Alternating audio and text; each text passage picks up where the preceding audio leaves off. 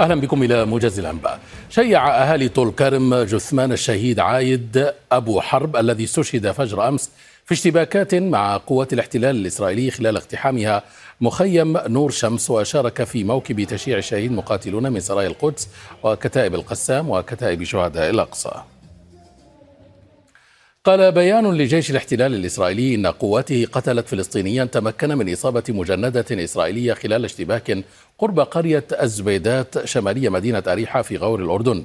وقال الجيش الإسرائيلي إن المسلح الفلسطيني فتح النار على قواته وتمكن من إطلاق ثلاث رصاصات وأصاب مجندة قبل أن يتمكن بقية الجنود من قتله. وقال الناطق باسم حركة حماس حازم قاسم إن عملية الأغوار الفدائية تأتي ردا على جرائم الاحتلال ضد الشعب الفلسطيني خاصة جريمته ضد النساء في الخليل بحسب وصفه.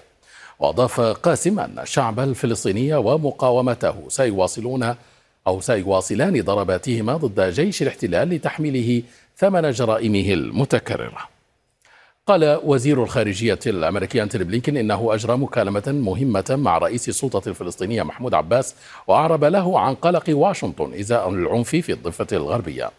وأوضح أنه جدد في محادثاته مع عباس تأكيد دعم الولايات المتحدة تعزيز حريات الشعب الفلسطيني وأمنه ورخائه وحل الدولتين. وقالت الخارجية الأمريكية إن بلينكين أكد في اتصال مع رئيس الوزراء الإسرائيلي قوة الشراكة الثنائية بين الولايات المتحدة وإسرائيل والتزام واشنطن بدعم إسرائيل.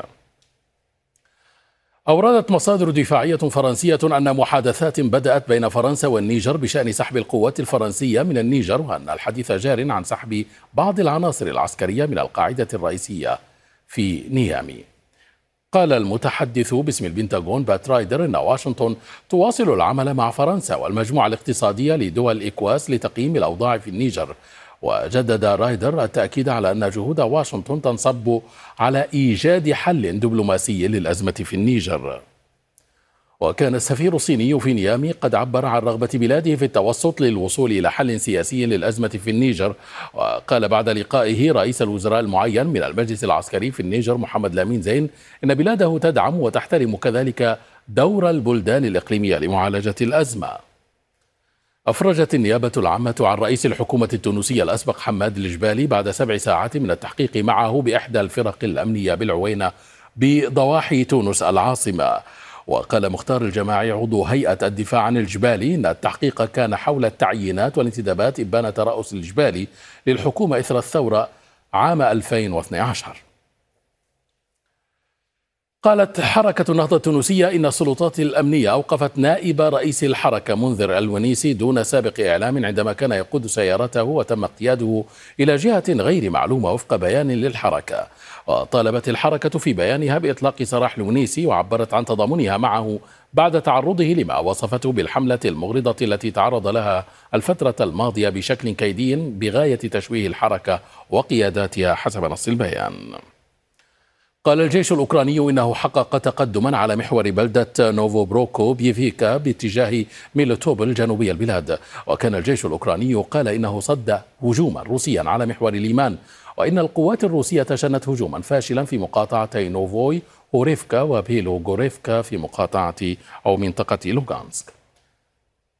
نفى وزير الدفاع الروسي أن تكون القوات الأوكرانية حققت أي تقدم منذ بدء هجومها المضاد قبل ثلاثة أشهر. هذا وأفادت وزارة الدفاع الروسية بتدمير مسيرات أوكرانية كانت تحلق في أجواء شبه جزيرة القرم. كما قالت وزارة الدفاع الروسية ورئيس بلدية موسكو إن أنظمة الدفاع الجوي الروسية أسقطت طائرات مسيرة أوكرانية في إسترا بمنطقة موسكو. وقال مستشار الأمن القومي الأمريكي جاك سوليفان إن كوريا الشمالية ستدفع ثمنا على تزويدها روسيا بأي أسلحة ستستخدم في أوكرانيا وإن هناك محادثات متقدمة بين روسيا وكوريا الشمالية لتزويد موسكو بالأسلحة.